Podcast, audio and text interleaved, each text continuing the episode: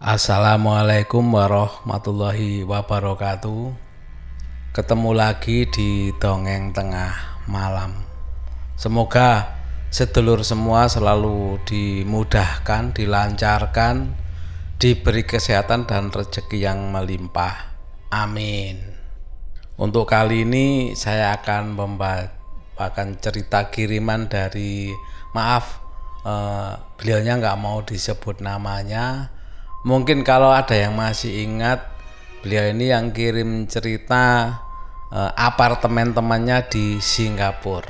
Dan sekarang uh, beliau ini mau menceritakan pengalamannya semasa kecilnya.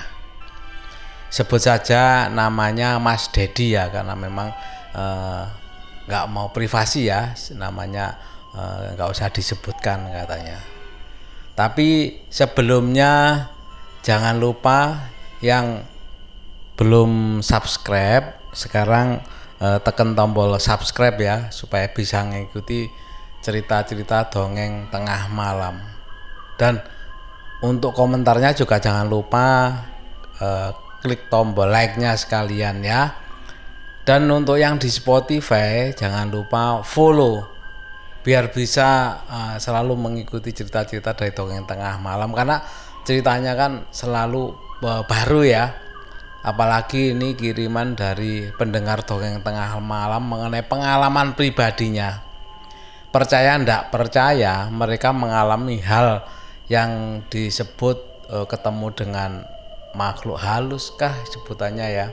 Atau hal-hal yang lain yang bersifat mistis juga.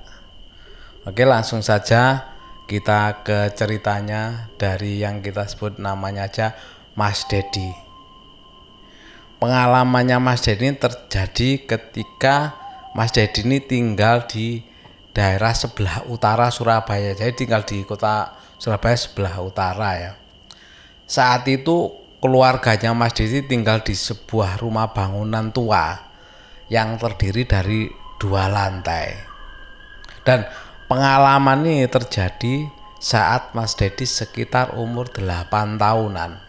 Ini nggak disebutkan namanya ya. Eh, tahunnya ya tahun berapa cuma pada waktu itu Mas Dedi masih kecil saat itu Mas Dedi inget banget bahwa harinya adalah hari Jumat di siang bolong jadi Mas Dedi itu lagi ikutan nimbrung bareng ibunya tantenya sama sepupu ibunya yang kebetulan memang eh, lagi main ke rumahnya keluarganya Mas Dedi ini. Dan waktu itu itu lagi di ruang makan sambil cerita-cerita pengalaman serem dari sepupu ibunya yang uh, waktu masih bujang lah pernah karena sepupu ibunya pernah dihitung uh, pernah tinggal di rumahnya Mas Dedi ini. Jadi ceritanya sepupu ibunya Mas Dedi ini panggil saja Om Gito ya ini pas masih bujang waktu tinggal di Eh, lantai dua di rumah keluarganya Mas Dedi ini pernah mengalami hal-hal mistis. Gambarannya ya, lantai dua rumahnya itu memang lebih mirip loteng, tapi di atas itu luas banget. Jadi ruangan itu dipakai untuk kamar sekaligus tempat untuk menyimpan barang-barang yang yang nggak dipakai lah. Biasanya kan karena tempatnya luas ya kalau di bawah mungkin kan mengganggu makanya semua barang-barang yang di nggak dipakai itu biasanya ditaruh di atas di lantai dua dan Om Gito ini itu tinggal di lantai dua itu bersama uh, dua omnya Mas Dedi ini yang waktu itu masih bujang juga. Jadi mereka tinggal bertiga di lantai dua itu. Lantai dua rumahnya Mas Diti ini itu sudah kayak base campnya om-omnya itu ya. Bayangkan eh, tiga pemuda ya tinggal di lantai dua apalagi umurnya kan nggak terlalu jauh. Jadi ya kayak gimana ya bisa dikatakan base camp itu bener lah karena apa nongkrong ya mereka bertiga di atas bahkan sehari-hari mereka tidur di situ kan memang karena karena memang tinggal di rumahnya Mas Dedi ini. kejadiannya suatu malam Om Gito ini lagi tidur di lantai dua bersama om-om saya, eh, omnya Mas Dedi yang lainnya. Lah pas tengah malam, seisi rumah itu dibuat geger. Karena apa? Ketiga omnya Mas Dedi ini bikin gaduh. Jadi ribut gitu loh di atas.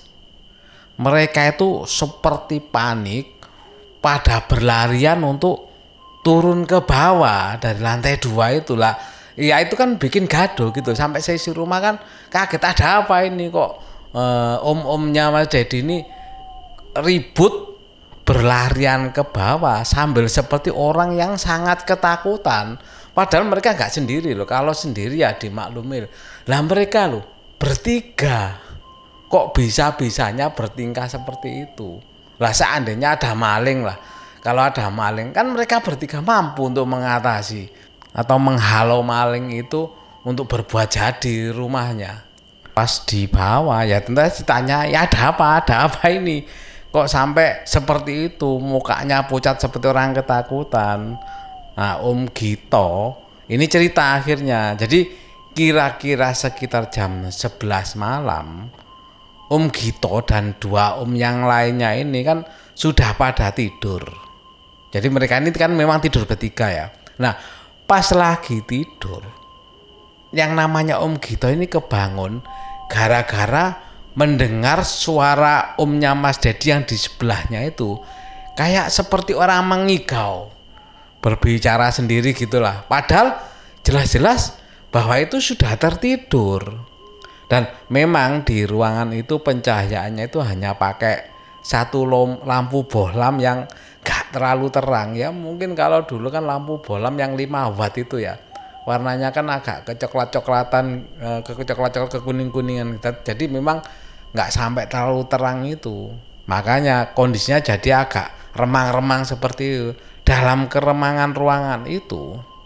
Om Gito yang terbangun itu melihat ada sosok perempuan kurus tinggi berambut putih panjang menutupi mukanya dan mendekati omnya yang lagi tidur di sebelahnya. Bukan hanya itu, bahkan pena, uh, perempuan itu itu mencekik leher omnya Mas Dedi yang lainnya ya, yang lagi tidur tadi. Awalnya sih dikira Om Gito itu sosok tadi adalah omahnya atau neneknya yang mau bangunin omnya yang lainnya. Lah, Om Gito itu baru sadar pas sosok tersebut mau mencekik leher omnya yang ada di sebelahnya Mas Gito. Langsung saja begitu eh, sadar, Om Gito ini teriak-teriak bangunin omnya yang ada di sebelahnya. Bayangkan dengan panik dan takut, dia itu membangun kayak ya membangun sekenakennya sekasar-kasarnya lah sampai om yang di sebelahnya om Gito itu terbangun dan langsung ditarik untuk lari turun ke bawah sambil merasakan ketakutan yang bukan main takut pada waktu itu lah. Makanya kenapa malam itu waktu itu ya Om Gito itu membuat gaduh ribut-ribut di tengah malam. Lah pas seru-serunya uh, dengar cerita Om Gito ini, kebetulan waktu itu memang di rumah lagi sepi banget. Dan seremnya ya, habis cerita itu, tiba-tiba semua yang ada di meja itu dikagetkan dengan sesendok bubur yang masih panas. Entah itu dari mana dokternya nggak ada yang tahu karena nggak ada yang makan bubur waktu itu bubur itu mendarat pas di kakinya Om Gito. Ya tentu saja siapa yang nggak kaget e, bubur panas tuh kena kaki tuh.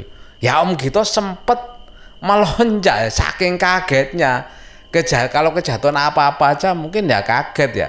Jingkrak lah istilahnya. Nah ini kejatuhan seperti bubur panas. Ya Om tip, uh, Om Gito sempet melonjak ke kaget Padahal waktu itu di ruangan itu tidak ada orang lain hanya mereka berempat termasuk Mas Dedi itu.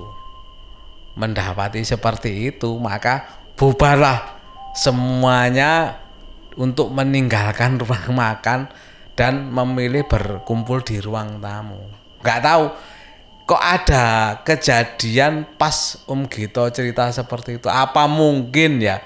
Mungkin uh, si makhluk tak kasat mata itu mungkin masih di situ ya. Dan nggak mau cerita yang pernah terjadi dulu diceritakan ke orang-orang di sekitarnya atau gimana nggak tahu. Yang pasti kejadiannya itu benar-benar terjadi menurut uh, Mas Dedi ya. Bahkan Om Gito pun sempat shock uh, mendapati kejadian yang barusan terjadi itu tadi. Itu tadi kiriman dari Cita yang kita sebut namanya Mas Dedi ya Terima kasih Mas Ded uh, untuk kiriman ceritanya ya. Kok saya jadi ikut manggil Mas Dedi. Uh, mas untuk kiriman ceritanya untuk tem uh, sedulur semua yang mau kirim cerita di dongeng tengah malam bisa melalui email. Emailnya di dongeng tengah malam at gmail.com dan sekali lagi yang belum subscribe jangan lupa subscribe ya komentarnya juga like-nya yang di Spotify juga jangan lupa follow itu tadi semoga sedulur semua bisa terhibur dengan cerita-cerita yang dibawakan di dongeng tengah malam ini. Dan terima kasih juga telah mendengarkan sampai selesai. Juga komentar-komentarnya yang kemarin-kemarin saya sampaikan terima kasih. Dan saya dari dongeng tengah malam saya akhiri. Wassalamualaikum warahmatullahi wabarakatuh